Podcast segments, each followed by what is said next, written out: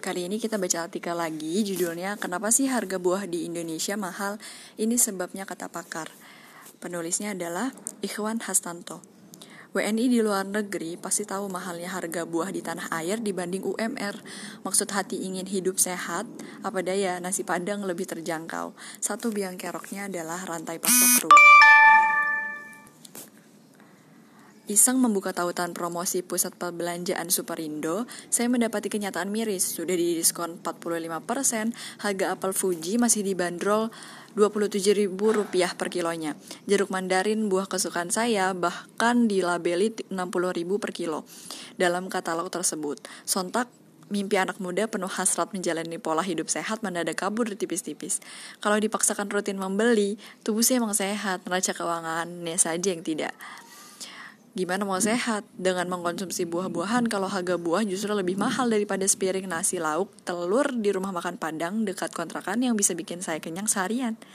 Penasaran? Saya iseng berselancar harga buah-buahan lokal, berharap harganya lebih murah daripada buah impor. Lagian ini bisa menjadi bentuk nyata saya mendukung karya anak bangsa. Sayang, hasilnya mengecewakan. Pisang Sunpride dari Lampung yang kerap kita temui terpanjang terpanjang di Indomaret, harganya 26.000 sekilo. Mangga harum manis di marketplace daring dijual di kisaran 30.000 ke atas per kilonya. Nggak usah ngecek harganya di swalayan, papaya bisa bikin nangis. Harapan saya sempat timbul saat melihat harga pepaya 10.000 per kilo. Hmm, apakah ini tandanya saya harus selalu makan buah pepaya? Membuat sambal pepaya dan racik dan racik pempek isi pepaya. Tapi mungkin saja sih masalah harga buah mahal ini udah jadi problematika dunia internasional. Asumsi sotoy saya, buah emang kodratnya tercipta mahal di mana pun ia berada. Saya lantas ngobrol sama Berita Putri Utami, ibu satu anak yang sempat ibu satu anak yang sempat setahun tinggal di Canberra, Australia.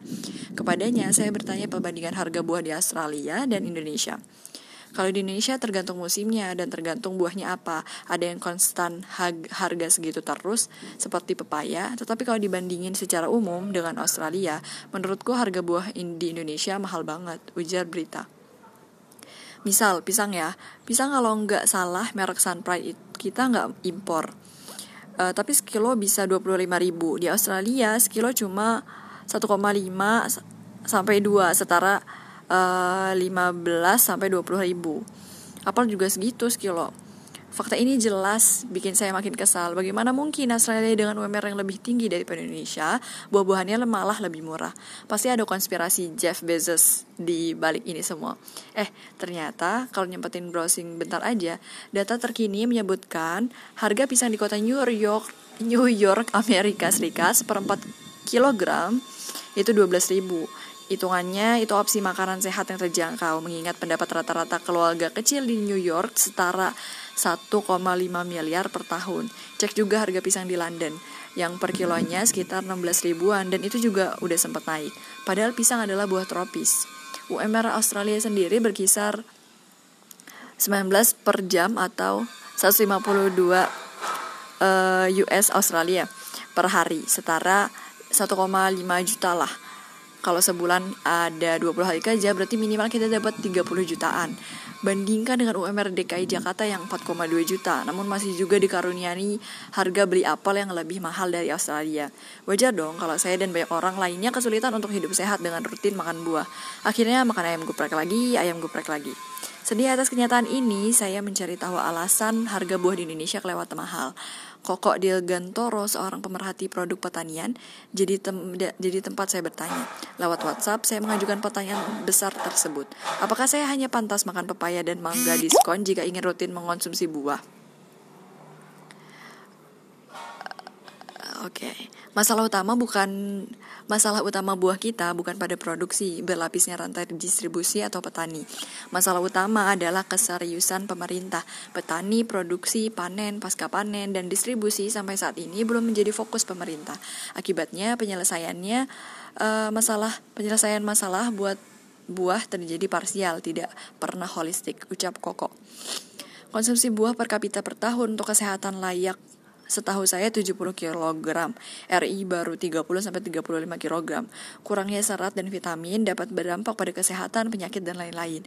Dengan meningkatkan awareness tentang kesehatan, Republik Indonesia perlu meningkatkan produksi buah dan sayur. Karena kalau tidak siap bakal dihujani produksi impor. Kelal masalah utama, Kokok masuk ke masalah non utama, tapi juga penting. Pertama, ia menilai skala tanam tidak bisa sangat besar di Indonesia, dan ini tidak baik untuk sisi bisnis.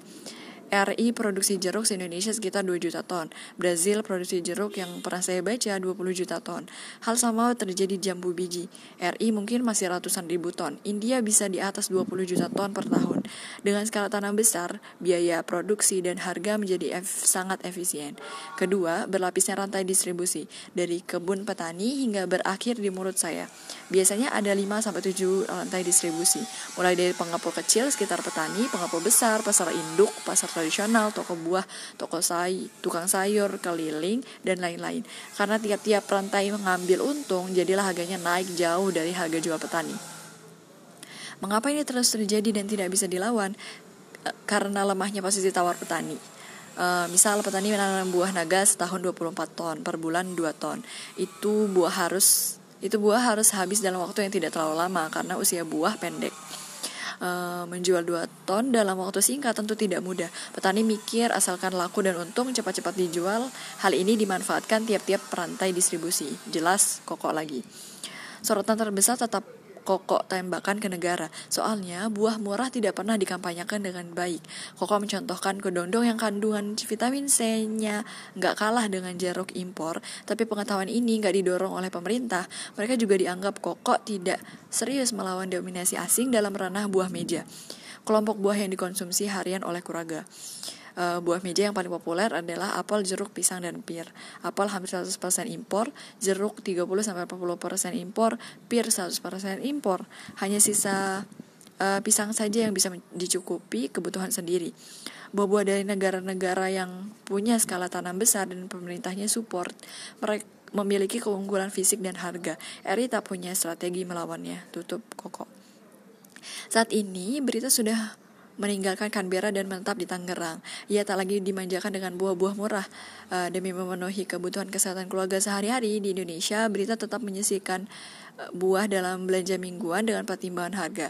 Sehat sederhana disesuaikan budget. Misal tetap konsumsi buah tapi bukan buah mahal. Haha.